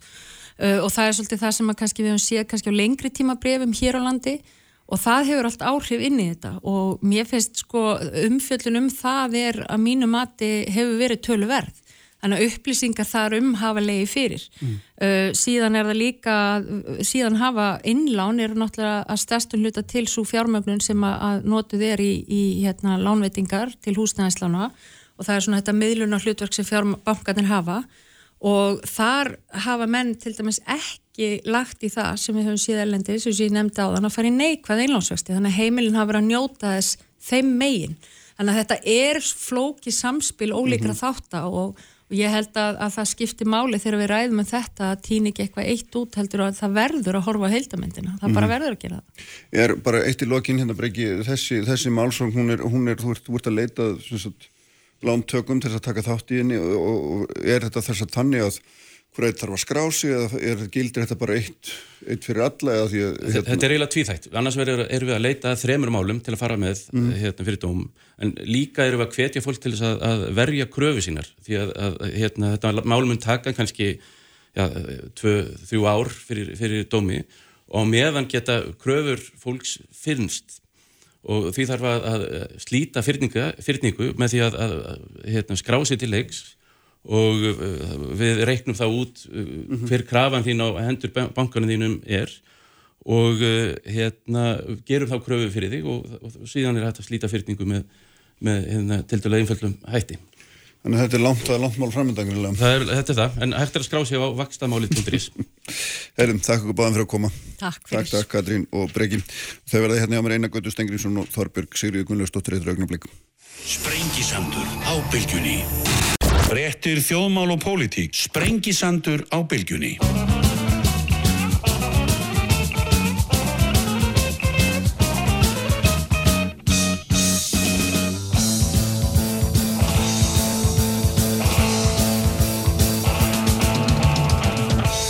Sælir aftur lustendur höldum við að stað hér á 12. tímanum. Þau eru hjá mér Einar Gautur Stengrimsson, lögmaður og Þorbjörg Sýrið Gunnhusdóttir sem þetta líka lögmaður en lögmaður í hljegi. Er það ekki? Lögfræðingur í hljegi, já. Eh, velkomin bæði. Takk. Uh, hérna, ég ætlaði að ræða við ykkur aðeins um, um þessi miklu mál sem geisa nú kannski, jú, geisa nú bara út um allt í ögnumflíkinu, ekki bara samfélagsmiðlum heldur líka í hefnundari fjölmiðlum og það er auðvitað þessi miklu umræðan kynferðis brotamál uh, bæði innan og utan domstóla getur við sagt það, það er hérna Málega segður þessi reikin á, á bæði innan og utan dómstóla og, og, hérna, og, og þessu fylgir auðvitað svona hérna, uh, fylgir með svona hvers og hatrum umræða og um eðli ábeldis og hérna viðkenning á því og afsökunar beinir og yðnurinn og guðum að vita hvað ekki blandast inn í þetta allt saman og hérna auðvitað mjög alvarleg mál og ef við kannski aðeins að byrja sko á þessu að vantalega þetta, ef ég byrja hér þegar að sko þetta sprettur allt meira að minna upp úr því vantalega að þeir sem að verða, brota þólarnir svo kolluðum, þeir hérna, já Þorbjörg, já, já sæl. Já. Já. þeir hérna, þeir, þeim finnst þeir ekki fá réttláta með, með málsmeðferð í, í ofnbæra kerfi og einhvern veginn þurfum við að ná fram réttlæti með einhverjum öðrum hætti, það kannski getur maður sagt að sé eitthvað svona grunnstefi Já, ég held að, að, ég held að grunnstefi sé hérna að e, fólk og þólendur og mjög, mjög oft stelpur og konur já, já, eru að stíga fram e, taka þátt í umræðu koma fram til dæmis á samfélagsmiðlum. Misti ég svo breyting á því bara núna nokkrum árum að hérna konur koma fram undir eigin nafni með sögu sem við sáum ekki fyrir nokkrum árum síðan. Um, maður setur þetta í samingi við MeToo að tala um þetta sé svona þriðja umferð af því. Mm. en jú, auðvitað þreita uh, gaggar því að, að sem er staðreind að þessi brot eru fáránlega algeng uh, held í miklu og langt um algengari heldur en að fólk áttar sig oft á auðvitað er hérna mjög margt undir þar, þetta er alveg heilra klíf af, af, af brotum ef það mára það þannig uh, og jú, þetta líka með, með kerfið auðvitað að hérna þar eru ákveðin viðmið um sönnun mm. uh, að allur vafi skuli tólkaður uh, sakbortningi í hag og þetta stef sem við þekkjum, þekkjum öll um, þar hefur þetta líka átt sér stað ákveðin breyting á síðustum árum og áratugum sko þá að sé óumdeilt að, að hérna það þurfum við að sanna þessi brot og þá held ég nú að matið á því hvernig sönnum sé framkomin hafi líka breyst enn mm -hmm. En er það, er það endilega óumdelt lengur? Mér maður að sjá fleiri og fleiri rættir sem að hérna Já, innan kervisins en, en Já, já, en ég, já, svona í almennu umröðu að, að það þurfum við að sanna Já, það sé Ég, ég meina, ég lítið sá þetta, þetta er auðvitað kannski bara tvö samtöl ef þetta er orðað þannig að mm. hérna, það er annars vegar þessi mál sem farin þennan formlega fyrir kervisins og svo er það sem að hérna ásýstað í almennari umræðu og mm. það, það er náttúrulega eiga önnur sínist manni við mig Já, já, hvernig horfir þetta við þér hérna? Þú hefur verið að skrifa greinar um einmitt nákvæmlega þessi mál, sönnuna byrðina og hvernig hún er, hvernig henn er beitt í, í domsalunum Já, sko, það er þannig að að sangkvæmt stjórnaskráni og mannrætti að sáttmála Európu þá ekki að dæma neitt í fangelsin nema að sekta þessi sönnuð uh, síðan stönda menn frammi fyrir því að vera með brotaflokk sem eins og Þorbjörg sagði gríðarlega algeng brot og miklu algengari heldur en sko ofinbjörra tölur sína því að það er ekki nærröldsbrot mhm.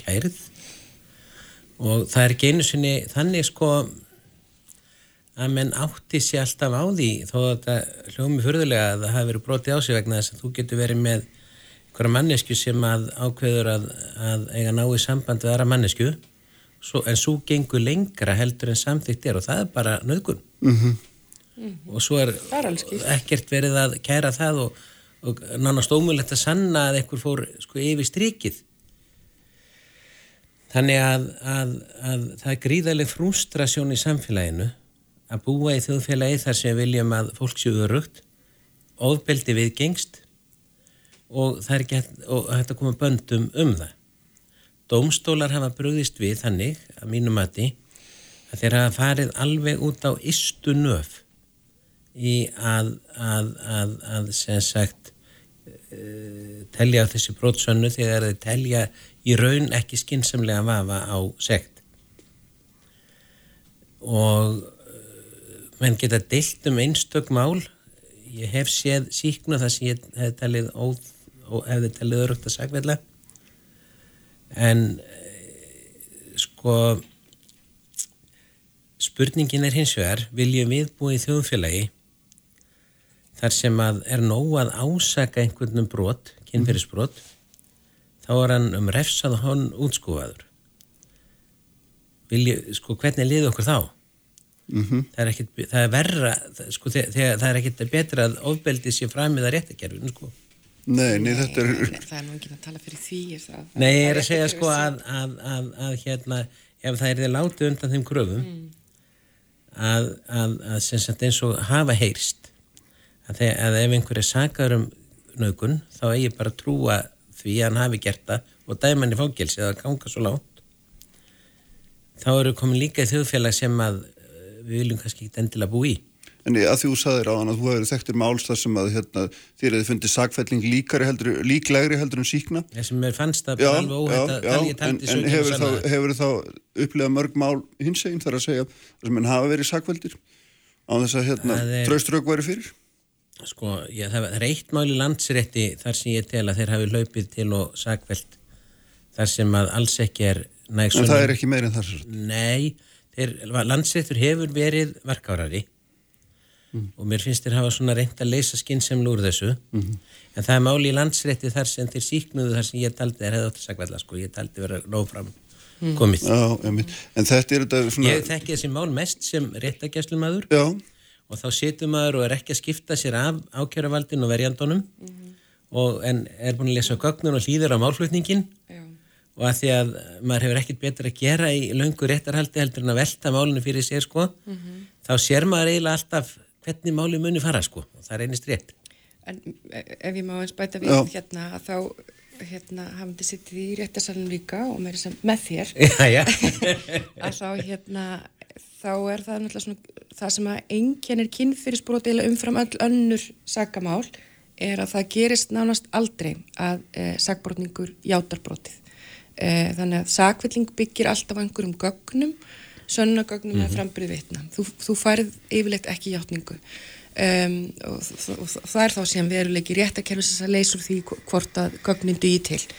En sko, mér hefur síðan fyndist það svo, eh, svona, sé þetta bara óbeint þá sem hafði unni fyrir ákjörvaldi mm -hmm. að eh, það er svo mikil þörf hjá brótaþóla eðlilega að fá viðurkenningu viðurkenningu á því að á mér var brotið eh, og, og gerandin eh, veitir hana ekki um, og þetta held ég sér líka einhver ángi af umræðinu núna að minna eittir það að þessi viðkenninga hjáttning mm. eh, gerir það verkum að, að hérna, eitthvað sem að gerist eh, í einrúmi það, það er erfiðar að sanna það heldur en margt annað um, þó að mm -hmm.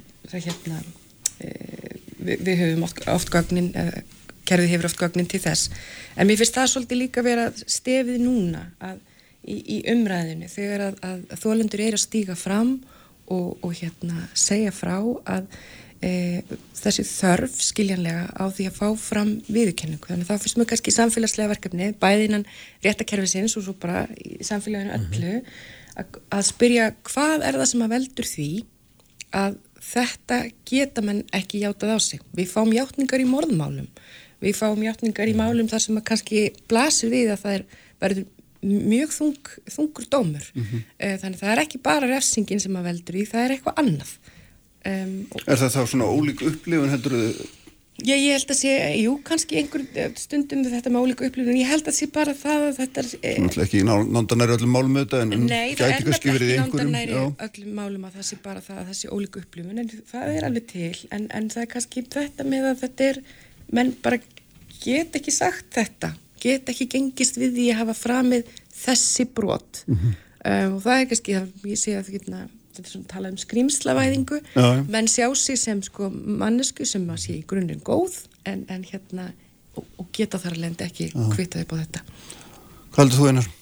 Sko, já ég held, ég er alveg samanlega þessu sko, þetta svona virkar svona á mig en það er líka annað sem að er og, og, og hefur svona aðeins leitað huga minn að ég óttast að sömur sko, fremji brot og haldi að það sé ekki og, og, og ég, það sem að skipti svo miklu máli bæði skólakerfinu og í samfélaginu að við kennum fólki og sérstaklega börnum og ungmennum að þau að verða, vera verðing fyrir sínum eiginlíkama og líka mannara líka maður annar ekki síður já.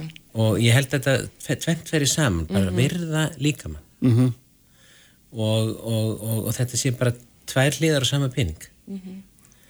að, að hérna og svo eru eh, fólk að horfa eitthvað klámyndir eða sjá fyrirsagnir í fjölmiðlum eða, eða, eða hvaðan sem áhrifum koma mm. og halda bara það að, að, að, að þegar það hafa mög vaðra mannesku að ef hún samþekki mögin þá sé bara allt, allur hinbakkin inni sem þið sáu sko heyrðum en það er refsiverð þannig að þetta sé bara opið leifi minnarum að líta já, svo á já. er, er nöðgun, það mm -hmm. er mhm. bannað uh -huh. og þetta er alveg eitthvað sem getur síðið í þessu málum ég hef vunnið að rannsókn á Eh, með Hildi Fjólu Antonsdóttur við fórum í gegnum allar, allar tilkynnta nöðgunar til lauruglu á Íslandi árunum 2008 og 2009 þetta voru 189 mál e, þannig það er tölurveru fjöldi mm. e, og það var mjög algengt stef en samt mjög lág tala með það sem að myndi halda svona lengur tíma já, já, já, kannski hún er alltaf ókvænlega konur há en hún, hún er líka hún kannski ætti að vera hæri en þetta voru bara nöðganir mm -hmm. um, en þá samar það mjög oft í málunum að það er, það er gerandi og þólandi, gerandin er nokkrum árum eldri en þólandin eh, og þegar þú ert með ungar stelpur þá, þá verður það fljótt aðstöðmunur. En þetta sem að einar nefnir að mhm. sko, eh, hún segir ég fröys og hann segir hún saði ekki neitt. Já. Uh, Þarna held ég nefnilega miklu oftar sé hægt að sagfælla fyrir mm -hmm. þessi staður uppi Já. bara á þeim forsendum að það getur enginn lift sér að gera það sem hún dettur í hug bara þegar eitthvað frjósi að þessi ekki sérstaklega sagt nei minnur já það, ég, það kannski ekki gerist ekki þannig sko, mm. menn er ekki hérna í þessum aðtöfnum með eðuplöðu þrýrit en, en það er samt sem áður þannig að, að aðstæður geta verið þannig að það er bara einhverjar eh, förðu hugmyndir mm. sem hafa sest í gerandan sem bara hérna sko mönnu leifist ekkit hvað sem er menn er bara að skinja það og vita það búin að breyta laga ákvæðinu já, já. með því að hérna að því þú spyr hvort að DR segja bara nei en þar var svona hugmyndin aldrei snúið við. Já, það ekki, menn þurfa að segja sérstaklega já. Eitt, Já, já jórði eða verki og það flækir auðvitað máli Og í náttúrulega í eðlilegum samskiptum að þá, já, hérna, þá, þá, reynir þá, þá reynir ekki mikið á þetta heldur það átt að segja fólk en, en bara þetta með að hérna geta þá spurt að því hvað gafir til til að halda en, hva, en hvað af ykkur reynslu sko, sem þeir eru búin að hérna, vera í þessum málaflokki tölvört mjög, mjög mikið og, og hérna hafið hafi skoðað mörg mál myna, hvaðan kemur þessi hugmynd hvaðan kemur þessi opeldiskúltúr hvers vegna er þetta svona gróið og gegnumgangandi og raun og verið bara viðkjent sko. ég held að þetta sé ekki alltaf bara opeldi eða sko, opeldi, þetta er alltaf opeldi sko, mm. en ég við Sko, ég held líka stundum sé þetta eitthvað svona fyrðuhumdur að sé verið að lýsa. Stundum er þetta bara ofbeldi alveg út í gegn. Maður getur ekki alltaf eh, sagt hver er hugur þess sem framkvæmi verknaðinn. En að svífið að líka mannar mannesku, það er efsivert. Og, og, og, og það er það sem þarf að innræta. Mm -hmm. Og hérna, það er þannig að sem við horfum út í svona aðeins flokna lögfræði að djúpa að þá er sem sagt ef þú heldur eitthvað sé löglegt en það er það ekki, þá er það refsað en ef þú heldur og þú sért ekki gera neitt sem þú mátt ekki beist alveg lögin þekkir þau mm. heldur og sért breykt að fara gegn þeim þá er það er, er mönnum ekki refsað að því að þá er ekki búið að sanna ásetning en þegar kemur að þessum kynferðisbrótamálum þá rennur þetta tvennstundum saman það er að segja að, að, að sá sem fremibrótið hann er bara með sko, hann bæði metraðanstæður ánt og lögin. Ég held að þetta sé, og svo kemur ágjara og hann kannski átt að segja ekkert á því að hann er bara með ránkumundir bæðum hvað hann mátti mm -hmm. Og, og, og, og hvernig aðstæði voru mm. og ég held að þetta lausnuna þessu sé að kenna fólki að virða aðra manneskjur, virða líka manna, annar manneskjur, þú ferð ekkert sko bara eins og, eins og pretitor mm -hmm. að nálgast aðra mannesku Ég held ef stóra verkefni lítur auðvitað að vera að reyna að draga úr þessum brotum að fæsta þeim mm. að hérna, þess vegna held ég það skipti máli að, að það séu bara, bara forvarnir og fræðsla og svona einhver uppbyldisli viðmiðum um hvað eru mörg og hvað er samþyggi og Það er sem ég var að segja sko. Já, þetta er virkilega mikilvægt. Við viljum hérna, ég gerum örstu klíða þurfum að koma hérna, skilabóðum eins og sagt er. Uppspretta frétta á Sprengisandi á Bilginu. Sæli afturlýstundu góður þegar en það hjá mér hérna eina Gautur Stengriðsson og Þorbjörg Sigurður Gunnarsdóttir. Við erum að ræða þessa miklu öldu sem rýs núna í umræðum um kynferðsbrotamál og hérna og svona hlut domstóla hvað er þetta að gera til þess að, að þólendur að þeim þykir svona þeir fá meira réttlæti sko hérna Þorbjörg sko þetta er svona einhvern veginn stað þar sem að maður sér ekki alveg auðvitað verið úr list þar að segja það er erfitt að fara með mál fyrir dóm það sjá allir að það er erfitt að sanna mál orð gegn orði og, mm. Og hérna atvikalýsing eða atvik eru kannski hérna umdeilanlega og svo framvegis mm -hmm. og svo fara með það leið að hérna opna mál bara samfélagsmiðlum og nafngreina menn og ásaka það og mm -hmm. veldur þeim mikill útskúin eða getur gert það og sem um fyrst allt í lægi og öðrum ekki sem gengur, ég meina -hmm sem er heldur ekki, þetta er eitthvað svona vilt að vestur réttlæti. Nei, menn það er ekki töfralust í þessu, Nei. en maður er svona ég bind einhvern veginn voni við það og, og hérna ég held að það sé eitthvað sem að hérna maður ma ma vonar að það hvað samtalið er einhvern veginn orðið opnar en það var með því að með, e, fólk sé að stíga fram og segja sína sögu að það verði þá vonandi til þess að það þeirna, verði einhverja breytingar í kjölfarið e, ekki, ekki bara það að hérna að fara í saga út af, af, af e, einhver sem að gerðist mm. Eh, heldur það einhvern veginn að, að okkur takist sem samfélagi að fara með málinn í einhvern uppbyggilegan farvegum það að hérna, viðukenna það brotin eru fyrir hendi þau eru mörg eh, og, og, og hvað svo? Hvað mm. ætlum við að gera? Já, og spurt er hvað ætlum við að gera? ég, ég, ég á ekki svari en Nei. ég held að að, svona hlutir eins og forvarnir og fræðsla og samtlið þessu samþykisfrumvarfi sem að viðrist læði fram fylgdi líka til dæmis tillega um að fara með fræðslu og forvarnir svona markvist inn í skólana og hérna til þess að bara reyna að uh, auka meðvitundum það uh, hvað má og hvað má ekki.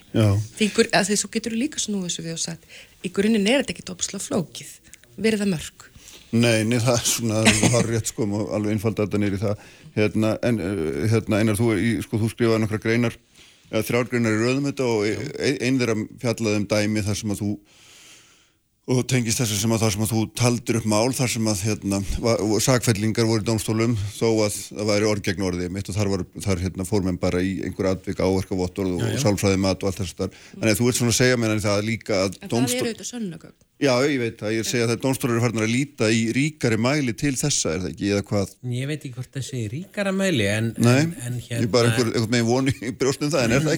einhver í en til? Já, en við viljum heldur ekki að, að, að einhverju séu saglusi dæmtir og við þurfum að átta okkur á því að það sem er erfitt í samband við sönnun í svona málum mm.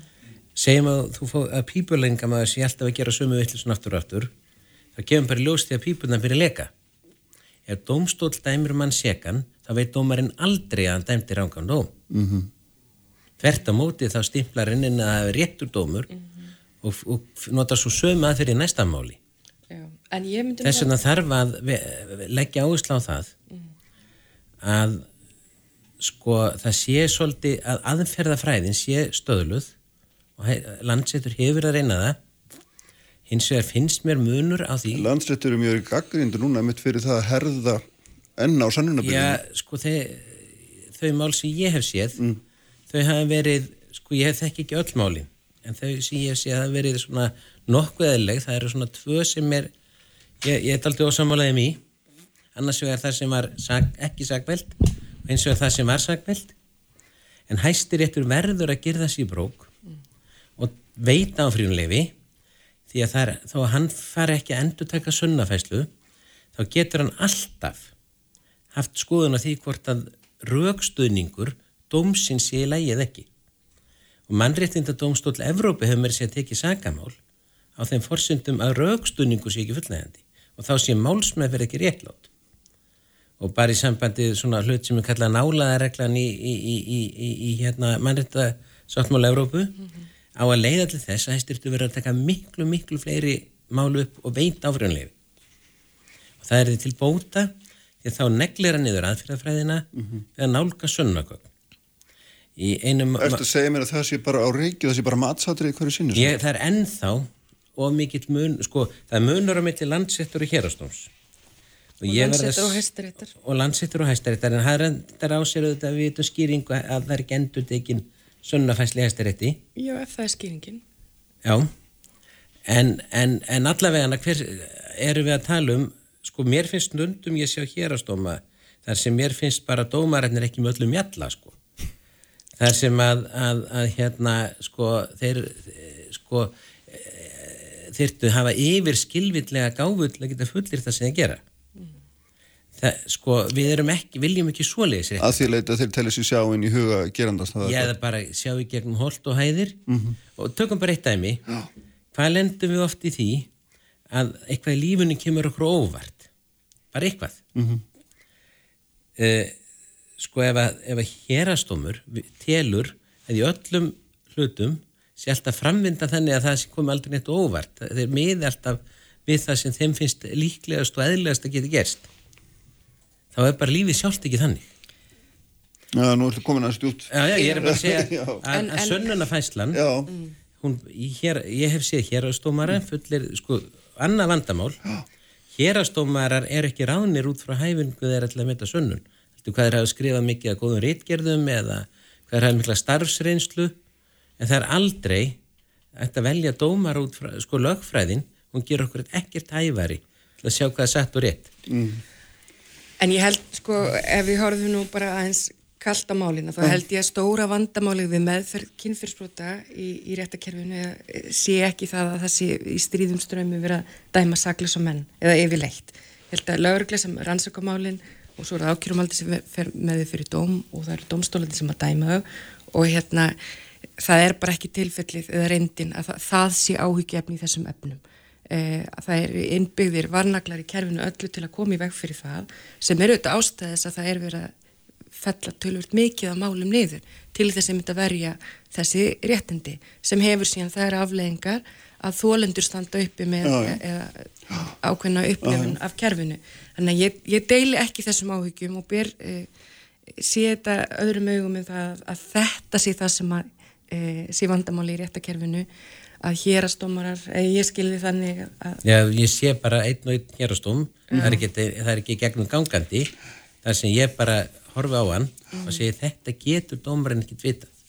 Nei, við verðum kannski komin út í hérna ómikið og mikið smáadrið þarna. Já, já, já, en, en, en ég held að hérna, það, er, það er ekki held ég kvorki umræða innan, innan stjættarinnar og hvað þá í samfélaginu að stóra vandamál kynfyrirspotana sé að, að, að það sé vera sakvilla saklusa menn. Nei, stóra vandamál. Stóra vandamál er kynfyrirspot, við erum öll samvölum það. Já.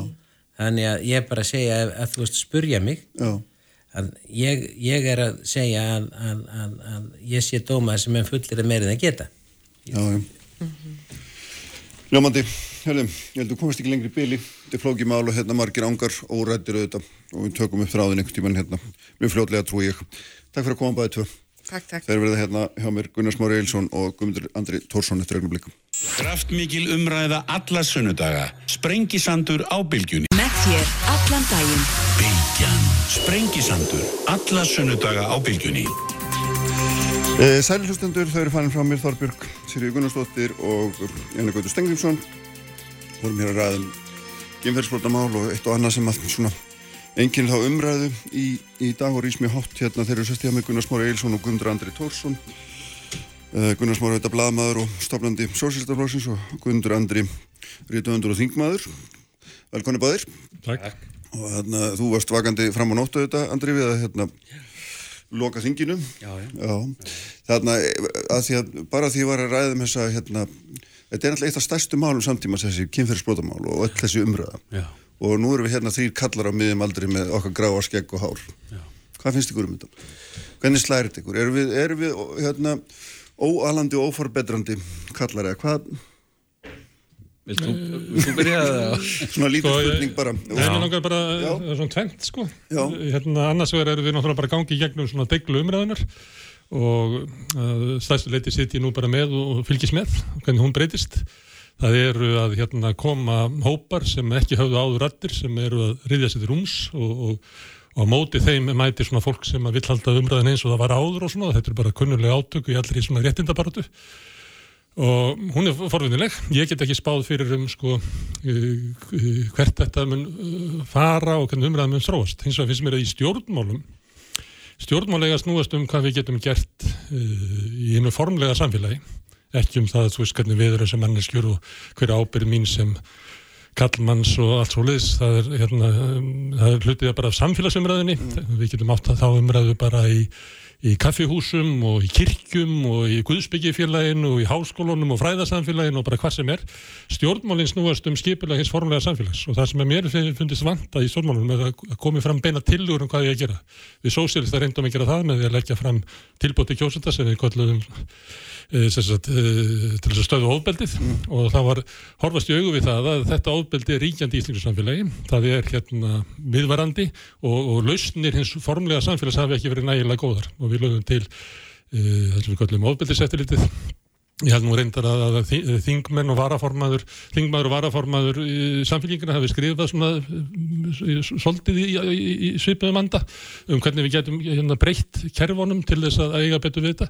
Þetta snýst ekki bara um, veist, uh, dóma og, og sekt eða síknu fyrir dómstólum, heldur snýst þetta um það að, að brotaþólum sé mætt, að, að ofbeldið sé markáta, það er hluti að því erindi í, í dómsal, þar sem það kemur bara niðurstað í því, en sumt af þessu er, er, en aðri hlutir eru félagslegir, eru hérna, það er að mæta því, það er að fjarlæga brotamannin af heimilunum, það er að styðja það sem að verða fyrir ofbeldinu, það er að styðja fólk sem býr á heimili þar sem er mikið ofbeldi, það er að mæta þess og við erum bara að horfast í augu við að þetta er, þetta er með Þetta er stæðsta vandamál sem við stöndum fram með fyrir í samfélaginu og stjórnmálin er að koma fram með tilugur um það hvernig formlega samfélag breyst við þessu. Mm. Ég persónulega er svona frekar þreyttur á stjórnmálamönnum sem er alltaf að koma fram og lýsa yfir hvað þeim geta sárt og erfitt. Það er ekki hlutur stjórnmála, það er hlutur okkar sem persónu, við megum alveg gera það, en hlutur okkar hérna í stjórnmálum er að koma mm. fram með raunverulega tilugur um það hvernig er þetta vinna á þessu. -hmm. Andri?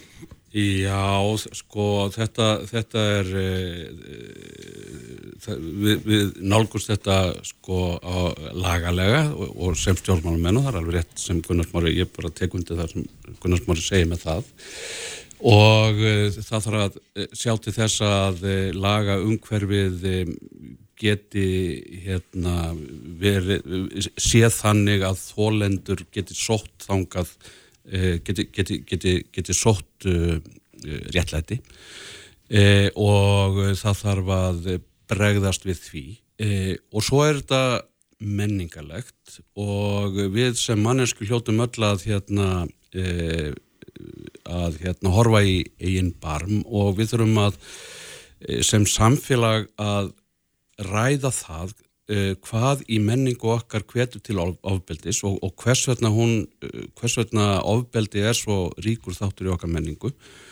Og, uh, og þar kannski hafa stjórnmálamenn ekkert endilega eitthvað hlutverk umfram aðra nema, nema þá að því leiti að, að til að þeir svona starfa og tala á hennu ofinbæra sviði og, og kannski er, er á þá hlustað. Eh, en, eh, en eh, ég finnst öll þessi umræða vera góð og, og, og ég held að, held að umræða sé alltaf til góðs og, og ég held að e, ég bara sem grár, gammal kall, ég hérna, e, hef gott að því að, að að fylgjast með þessar umræðu og, og lesa og hugsa, hugsa um þetta og, og, og ég held að við allir kallmenn þurfum að gera það og ég, mér finnst ég sem kallmaður vera ábyrð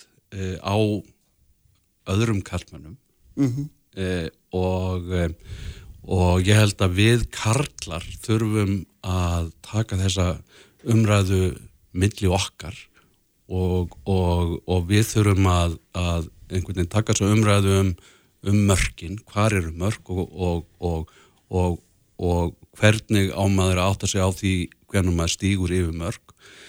Yfirleitt höldum við að við höfum þetta bara einhvern veginn í okkur sko. Mm. en það er ekki svo. Og, og þau fóru ágætlega yfir þetta ávan sko með, með það eru ímislegt í, í menninganeslunum sem að, sem að sko hvetur unga karla til þess að fara yfir, yfir mörkin og, og, og það þarf að taka á því í skólakerfinu. Það þarf að stór auka fræðslu í kynjafræði og það þarf að nálgast þessi mál sko uh, út frá sko því að, að þetta er menningarlegt og, og þetta, er, þetta, er, þetta varðar manneskjurnar, þetta varðar mannhelgi. En sko kynlíf snýst ekki sko eins og ég held að kannski að þetta var í skólakerfunu þegar við Gunnar Smári vorum ungir þá, þá, þá var snerist kemfræðslan og gerir kannski enn eh, eiginlega bara fyrst og fremst um líkamsstarfsemina. Getnar, um, já og, og um það hvernig þessi líkamsstarfsemi er og ægslunafærin hvernig þau líta út og hvað þau eru og, já, og, og við erum pínlítið á sama stað að sko að þetta verður að vera sko ríkur þáttur í e, lífsleikni námi mm -hmm. og menningarnámi mm -hmm. e, og mér finnst samfélagið hafa þetta aldrei brugðist mm -hmm. þarna. Og við lögum náttúrulega áherslu álega líka að er því hérna kjensla í all, öllum skólastegum en það sem ég er ekki áherslu á það að stjórnmálinn snúi sér að því sem að hægt er að breyta og hægt er að gera því að, að umræða um svona menningarlega eh, stöðu og, og personulega stöðu og, og breytt viðþorf og hvernig svona hvernig við mætum sko breyttum sjónamiðum sem manneskjur og eigin reynsla og öðru slíku að ef að stjórnmálinn eigða ómiklum tími þetta þá er bara minni tími fyrir að sko breyðast við. Og ég held að, að þetta, þetta er svona ákveðin hætta sem við stöndum öll fram með fyrir því að með því að leif okkur að svona tala tilfinningarlega um ástandið og allt svo leiðis mm -hmm. að það stundum verð, verður að til þess að deyf okkur til verka. Og ég held að það sé mjög mikilvægt að stjórnmálinn hérna, einbindist að því hvert er þeirra hlutverk í þessu. Það, þeirra hlutverk er að venda brótaþóla það er að, að, að, að þessi viðukent í öllum stofnunum samfélagsins að þetta vandamál er til og allar stofnunar samfélagsins þurfa að geta brúðist við því. Skólanir þurfa að geta brúðist við því ef við fá ábendingar um ábeldi og kunna verða þar með einhverja aðgerður áallan til þess að mæta því og það sama á við um allar stofnunum samfélagsins. Þetta er hlutur stjórnmálan að móta. Mm -hmm. uh, við, síðan við, tökum við náttúrulega þátt í bara í menningunum okkar og það gerum við hérna og þar getum við hver sem er verið jafn hæfur til þess að taka þátt í þeirri umræðu eins og ég og Guðmundur Andrið eða bara, við bara förum í, í vogakerfið þá má bara hafa buppa hérna eða þú veist eitthvað úr menningunni og það má hafa eitthvað að presta hérna og það má hafa alls konar fólk sko sem að getur tekið þáttu því, en stjórnmálinn mm. ættu að einbetir sér að því hvað er það sem að, að hérna, formlega samfélag hefur brúðið sprótaþólum og við þurfum að breyta því og þurfum að breyta því mjög hratt og, hérna, og, og því, að, því að umræðan, ef við hugsaum það Eh, Hva, hvað eru við stöndið því hvað við þurfum að gera? Að þá eru við langt, langt og eftir þar með að við hvernig umræðin er. Þannig að við þurfum ekki að fara lengra með umræðina til þess að fara að breyðast við. Mm -hmm. og það er það sem að mér finnst alveg stórlega vanta. Og þess, þessar hérna, ágætu breytingar sem að, að Katri Jakobsdóttir hefur uh, leitt í, í hérna, stjórnaráðinu og sömuleiti byrst fram sem tilugur frá dónsmálaráðara og frumvörp og annars líkt þetta eru bara allt og veik skref, allt og senkt Þetta er bara því miður, þannig að við hefum bara hitjað upp okkur buksunar og byrja að breyta samfélaginu því að þetta er vandamál, það er stríð, það er stríð á mörgum heimilum, á alveg fáranlega mörgum heimilum. Og þetta er útbreytt vandamál, þetta er staðista vandamál í lífi þúsunda íslendinga. Og, og formlega samfélag verður að breyðast með því annað en að sína bara einhverja samúð með því. Þetta er bara ef ég má taka svona hérna, í, í þetta í COVID sko Já. þá hérna þegar hérna breytar geng út og klöppuðu fyrir helbriðistæðsfólkinu uh -huh. þú veist, stundum er það bara stundum á það við, en stundum á það ekki við nú á við að breyðast við þess að stjórnmálin, það er mhm. hlutur stjórnmálin að breyðast við Þú setur þau allir til þessu? Já, já, ég bara er alveg fullkomlega samláð því að það er hlutur stjórnmáluna sko, og, og það er daglegt hlutur stjórnmáluna að bregðast við, við þessu ástandi og, mm -hmm. og öllu óreittlæti og, hérna, og það er það sem öll lagasetning náttúrulega þarf að miðast við það eru, það eru það er að standa vörð um brotaþóla, það er að standa vörð um, um, um þá sem eru órétti beittir og að, að tryggja það að þeir geti sótt rétt sinn og eins og, og uh, smári nefnir að, að, að, að það sé uh, það séu úrræði uh, fyrir fólk sem býr við ofbeldi að ofbeldismadurinn sé fjarlæður af vettvangi og, og þarfram með þetta göttunum þetta, þetta, þetta, mm. þetta er, ég tek undir það saman. En að Johnson bandaríkjóðstin heldur ræðu í Ann Arbor 1964 minni mig Já. og það sem hann sagði sem var tímamóta inn í meginströmm stjórnmálunum hann sagði að eina ástæði fyrir okkur til þess að formlegt samfélag á millum okkar er að verja hinn veika og hinn, hinn kúa og þetta var náttúrulega stór frétt á þeim, þeim, þeim tíma mm. þess að áður hafi verið sko ríkjandi hugmyndum að þetta veri herin og löggan til þess að geta lögur reglu.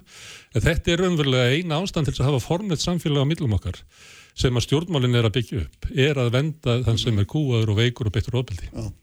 Hérna, ég hérna, ætla ekki alveg eða allum tímanum þetta þó þetta sé hérna, gríðal áhugavert og kannski er þetta svona áhugaverðast í ögnublikinu Hvað sjáu þið fyrir ykkur í sumar og haust? Þið nú ekki drosa langan tíma til þess að velta því upp. Gundur Andri, viltu byrja á hérna, hvaða ströymur og stefnu verða ofan á núna og munur ráða því hvort að hérna, ég sá bæðið Sigur Ringi og Katrín saði gæri að þeim lítist bara vel að halda ríkstjórnin áfram. Erum við bara að stefna inn í, inn í það? Já, það fyrir náttúrulega eftir því hvernig kostningum það fara. Þetta, er það satt? Já, það, það, það, það er í höndum kjósenda. Já, það, er, er ekki í höndum þeirra að ákveða það og hérna það, þegar að hérna er búið að tellja upp kjörgóðsunum þá, þá vega og meta hérna flokkarnir Hvað heldur að ráðið í hvernig, hvernig þetta ráðast? Já, það, það er, eru málefnir sem að eiga að ráða því og, og, og málefnileg samleið hverjir, hverjir eiga mm. málefnilega samleið við í samfélkingunum, við teljum að við eigum ekki málefnilega samleið með, með, með sjálfstæðisflokki og miðflokki. Og við, við höfum sagt það alveg skýrt að, að við hérna, viljum mynda stjórn, eh, svona, þetta undur talað um Reykjavík-mótelið, eh, við viljum mynda stjórn frá miðu mm. og til vinstri og við viljum vinna með þeim. Þetta er ekkert of mikið í spilunum í ögnublikinu, er það? Já, jú, þetta er alveg í spilunum, það er mm. allt í spilunum vegna mm. þess að, að það er það sem kemur upp kjörgóðsunu sem, sem að ræður ekki það sem að áliðskjafettin segja að, að munni, munni ráða. Sko og, og hérna Eh, ég held að eh, við getum líka unni með eh, við getum líka sko fyrir auðvitað þá flokkar sem er í Reykjavíkumótrunum sem eru pýrildur og viðreist þá getum við alveg unni með líka framsók þess vegna eða, eða flokki fólksins eða sósélistum mm. bara og, og ég tel að, að forsendan og ég hef marg sagt þetta og ég er að verða eins og bíluplata oh. að forsendan fyrir slíkri stjórn sé að samfélkingi sé sterk eh, vegna þess að hún er svona mynduð hún er búin til sem samfélking búin til, til þess að vera samfélking ekki, ekki búin til, til að vera söpnuður og hún er búin til til þess að leiða saman ólíku öll á vinstrikantinum og, eh, og fá þau til að vinna saman um mm -hmm. grundvallarmálinn mm -hmm. og grundvallarmálefnin og, og, og það er það sem okkur dreymir um að gera og, og hérna og leiða til öndvegis félagshyggju uh, það er löngu tímanbert og, og ég, ég, hérna býð kannski með að fara í einstaklega málefni með það. Uh, en, en hérna ég vil sagt, snúa augum þeirra Sigurðar og Katrínar til okkar og, og, og láta þau uh, velta fyrir sér hvort að það sé ekki hugsanlega að íslensku samfélagi sé verði stjórnað án sjálfstæðisflóksins mm -hmm. og hvort að það sé ekki hugsanlegt að stjórna samfélaginu án þess að sjálfstæðismenn hafi alltaf neitunar vald um alla skapaða hluti. Uh -huh. mm. Heldur þú í? Já, það, það þú nefndir hérna breyttan tón svolítið hjá Katrínu og Sigurði, þú veist, svona meðan að flokkur, eh, ríkistjórnarflokkandi voru ekki að ná meira þetta, þeir voru lengi með kannski bara 42-43% atkvæða, að þá voru þau svona óbundið við kostningatónið þeim, uh -huh. en núna þegar kemur einhvern veginn, þegar COVID er að ljúka og allir ándur bólusettir og kemur svona smá bilgja til þeirra, að þá einhvern veginn byrtast þau svona, að segja besta liðin sem bara halda áfram óbreytti ríkistjóðunar samstarfi. Ég það má vera að þau ætla að fara í kostningarnar um um góðu verk að hérna þau verið kosið um bólusetningar. Ég held að það verði ekki þannig. Það verði bólusetningar verið búnar. tröflaði, sko, það, það, þá er verið að kjósa um það sem þau gerðu ekki. Já, sko, að því að þau letu ógerð til letu bara þrý ekki stjórna þá já, já, en, en ég finna við getum við líka því að við finna í söguna á þannig að þá liður bara tveir mánuði frá hérna loku setni heimstyrjaldarinnar þannig til að Churchill galt afhróði í kostningum mm. þannig að fólk er yfirleitt ekki hérna kjósa um hérna hinn góðu verk. Hins vegar getur ríkistjón haldið völlum ef að anstaðan eða valkostunum á móti er ekki skýr og góður.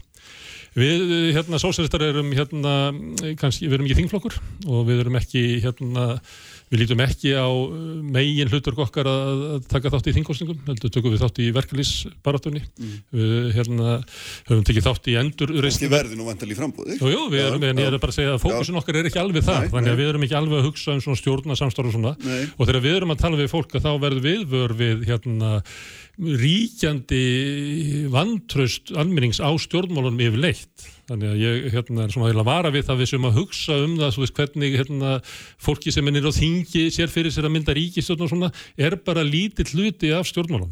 Það er stór hluti þjóðurinnar sem upplifir sér mjög svikin af stjórnmálunum, sem upplifir það að þróun samfélagsins sé að fara í öllum eigin atriðum gegn sínu vilja. Og við sjáum þetta bara í skoðanakonunum almenningu vill ekki selja bankana samt eru þau seldir, almenningu vill að almenningur eigi kvótan, samt er það þorstil márufélag sem eiga kvótan, almenningu vill opið þeilbríðskerfi, samt er verið að enga veða uh, almenningur vill ekki vegagjöld samt er Sigurður Ingi að bóða hérna, að enga vega veist, stór hluti almennings horfir bara á stjórnmálinn að, þannig að, að, að það er aldrei hlustað á almenning, það er aldrei tekið tillit til þeirra sjónamiða heldur er bara haldið áfram í einhverju samkominlagi auðvaldsveilitu.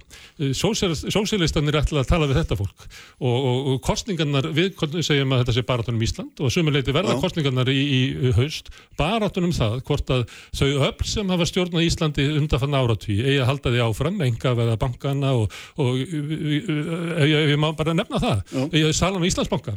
Það er selgt með svo miklu undirverði að þetta er gjöf til eina ríkustu sem mann eiga efnaði að kaupa hluti í Íslandsbanka upp á 28 miljónir milljarða.